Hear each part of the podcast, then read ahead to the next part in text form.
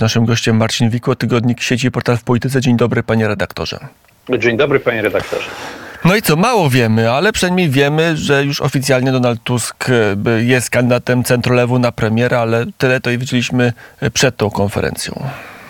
No tak, ale wiemy, że tak naprawdę te plotki, które się pojawiały tam o różnych konfiguracjach, ja traktuję je tylko i wyłącznie w kategorii plotek, to jednak trochę zachwiały pewnością siebie Donalda Tuska, no bo postanowił jakby taki spektakl tutaj nam zaserwować, czyli tą jedność tego centrolewu, żeby potwierdzić, że tak naprawdę to tylko oni ze sobą i z nikim innym i nie ma żadnej innej konfiguracji, nie ma żadnego innego wyjścia, że PiS na pewno nie wyciągnie nikogo z PSL-u, że Władysław Kosiniak-Kamysz nie będzie brykał i próbował się wybić gdzieś na, mm, na, na jakąś tam niepodległość, na jakąś tam nie, niezależność, na jakąś suwerenność jako, jako polityk, tylko że jednak ta ta jedna lista, z której wszyscy tak naprawdę umykali i ten pomysł potępiali, no to tak naprawdę chyba w tym momencie się domknęła.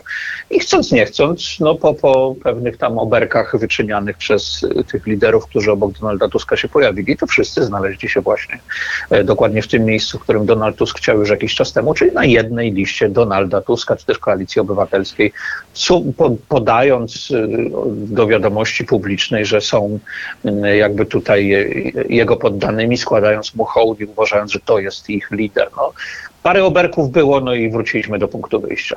Mm, jesteśmy w punkcie wyjścia, ale chyba faktycznie coś tam nie do końca gra, no bo były głosy, że dzisiaj może poznamy właśnie, jak powiedziałem, mm, kandydatów także na marszałka mm, Sejmu czy Senatu. Ba, dzisiaj rano w poranku e, wnet, na antenie Radia Wnet, Marek Sawicki powiedział, że najlepiej to by było, gdyby e, dzisiaj nie tylko zadeklarować marszałka jednej i drugiej izby, ale także prezydium tych izb i prezydium rządu, żeby pójść do prezydenta już może nie z każdym ministerstwem, ale już e, z takim dość szerokim podziałem. Tu wiemy tylko, że Donald Tusk może być premierem w tym układzie i tyle. To świadczy o tym, że te rozmowy idą trudno.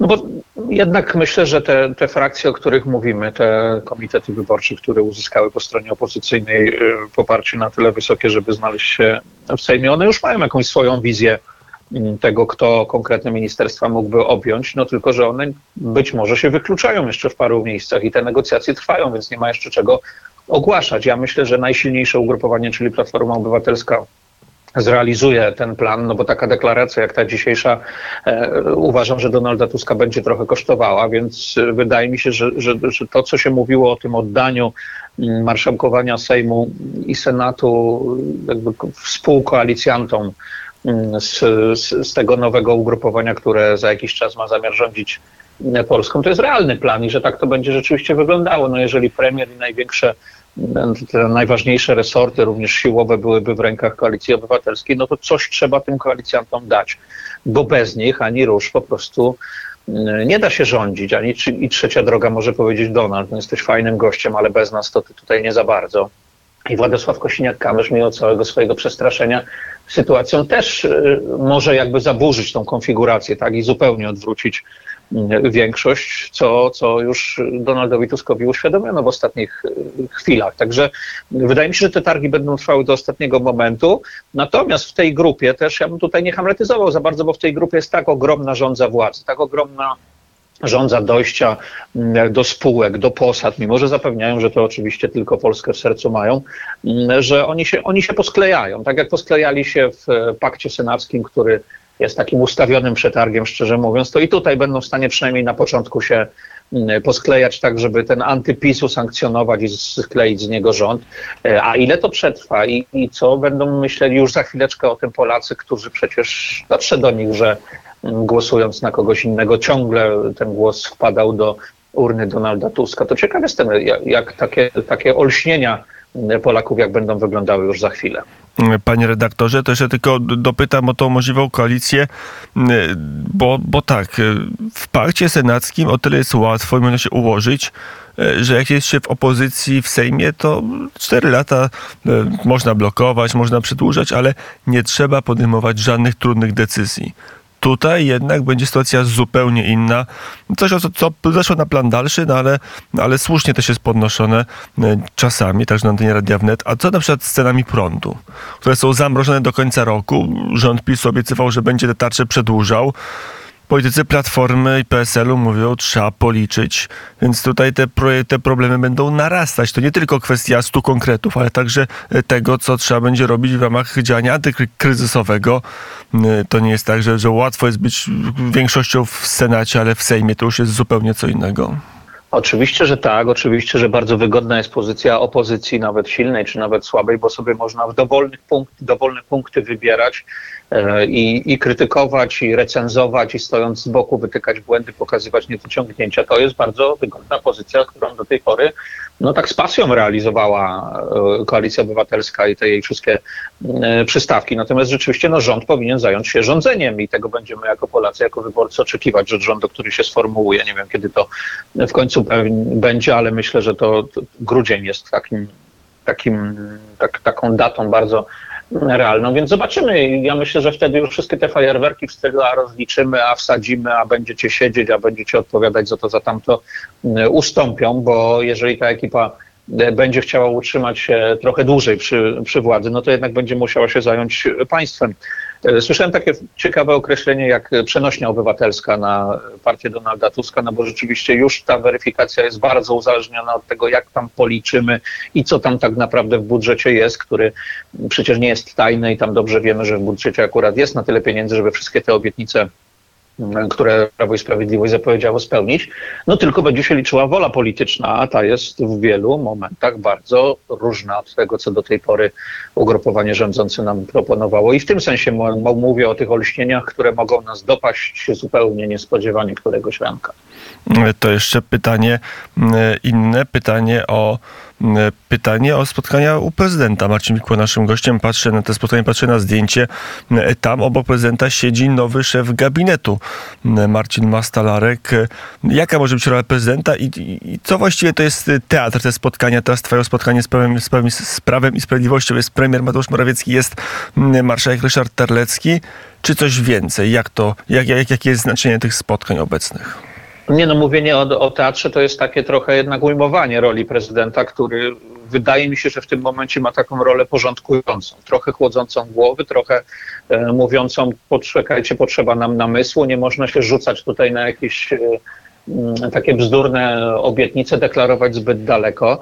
Mm, kiedy prezydent nie zapraszał do siebie, no to był zły, bo nie zaprasza. Teraz zaprasza, no to niedobrze, bo zaprasza, albo może w takiej kolejności e, zaprasza, więc ja już zupełnie machnąłem ręką na takie e, podszepty publicystyczne, czy też polityczne, bo one mnie w ogóle nie dziwią, no taka jest ta nasza rzeczywistość. Natomiast ta rola porządkująca to jest taka, że prezydent jest jednak częścią tego łańcucha legislacyjnego i będzie chciał się dowiedzieć, jakie są tak naprawdę takie plany bliższe i dalsze rządu, jaka jest ta polityka, którą będzie chciał e, realizować? I to się powinno stać, tak, znaczy powinien to usłyszeć na takich bezpośrednich spotkaniach, no bo owszem, powiedzmy, że te rzeczy wiemy, ale rola prezydenta to nie jest opieranie się na publicystyce, e, na, na, dziennikarskiej pracy, którą gdzieś tam my wykonaliśmy i, podaliśmy to do wiadomości. To powinno jednak zostać zadeklarowane prezydentowi w twarz, żeby on później ewentualnie mógł e, mówić, że, że, że, że pewne rzeczy zostały zrealizowane, albo pewnymi jest rozczarowany, albo na pewne obietnice, zrealizowanie pewnych obietnic czeka. No takie bardzo dobry jest i oczywisty wydaje się ten klucz tych spotkań, to znaczy, że kto, kto zdobył najwięcej głosów, czyli Zjednoczona Prawica najpierw, a potem kolejne te ugrupowania. Dzisiaj jeszcze wiemy, że koalicja e, obywatelska. Sam jestem ciekaw, o co prezydent będzie pytał, ale wydaje mi się, że to, to będzie taka rola, tak jak powiedziałem, porządkująca i że, i że powinniśmy usłyszeć, czy prezydent, głowa państwa powinna usłyszeć od polityków, jaki tak naprawdę mają pomysł na sprawowanie władzy. Mm, to jeszcze na koniec y, pytanie o tą osobę, która zasiadła mm, po lewej stronie pana prezydenta, czyli Marcin mm, Mastalarek. Wejście do kancelarii, na początek głośny wywiad. Co to oznacza, jeśli chodzi o dalszą e, rolę i znaczenie Pałacu Prezydenckiego w polskiej demokracji wewnętrznej? No już wiemy, że rola Pałacu Prezydenckiego będzie e, ważna, bo będzie taka, takim ostatnim zabezpieczeniem, takim ostatnim bezpiecznikiem w tym procesie legislacyjnym, że to do prezydenta należy i zawsze należało takie ostateczne weryfikowanie e, ustaw, które do niego e, trafiały. Wiemy, że teraz to jest człowiek z innego obozu politycznego niż ta władza, która się ukonstytuuje już za, za chwilę, więc jakby tym bardziej przyglądanie się tym ustawom będzie bardziej konieczne. A Marcin Mastalerek to jest człowiek, który od zawsze jest bardzo blisko prezydenta, mimo że żadnych politycznych, publicznych funkcji nie pełnił. To zawsze był jego takim nieformalnym doradcą, zawsze bardzo często bywał w pałacu, podpowiadał w kampanii prezydenckiej, zarówno pierwszej, jak i, jak i drugiej. To jest osoba bardzo ceniona przez e, pana prezydenta, człowiek młodszy od niego, ale z też pewną świeżością, taką otwartością trochę biznesową, patrzącą na, patrzący na, na politykę. Pan prezydent bardzo ceni sobie jego zdanie.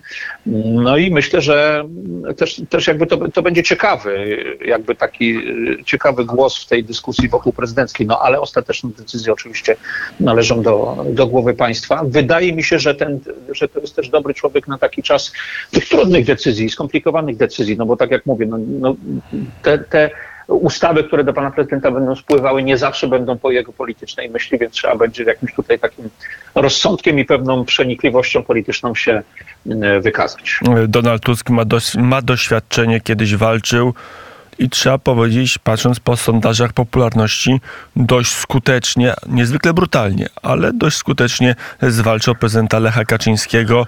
Jakim przeciwnikiem dla Tuska będzie prezydent Andrzej Duda?